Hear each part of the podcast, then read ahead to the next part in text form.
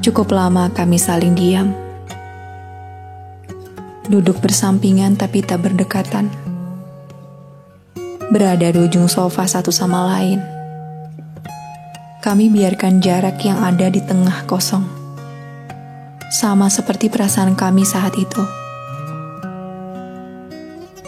Terima kasih atas semuanya.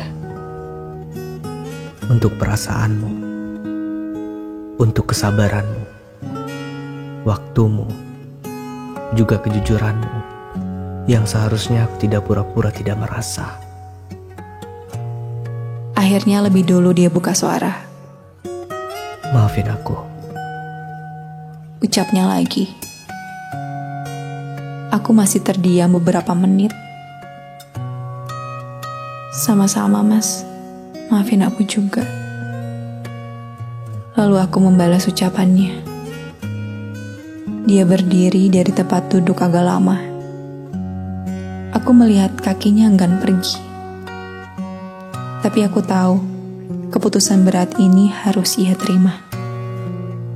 Ini hukuman untuk aku. Dan aku akan terima. Semoga kelak hidupmu lebih bahagia. Lalu dia melangkah melambat hingga akhirnya suara pintu tertutup rapat. Ia tidak lagi terlihat. Dan aku entah mengapa aku harus mengeluarkan air mata lagi. Tapi tidak. Ini cukup yang terakhir. Hening menguasai hati dan seisi ruangan. Tak percaya dan sekaligus tak mudah rasanya. Bahkan bekas jejak langkah kakinya beberapa detik lalu membawa aku pada semua hal-hal yang telah dilalui bersama. Masa-masa selama lima tahun ini, yang indah dan yang akhirnya tak pernah aku duga sekalipun, bahwa ia sanggup menorehkan luka di hati untuk yang kesekian. Bisakah kau terus berjalan bersamanya, sedang sebenarnya hatimu penuh lubang hitam karenanya? Bisik pertanyaan itu selalu menghantui. Karenanya hari itu aku bersikeras ingin berpisah.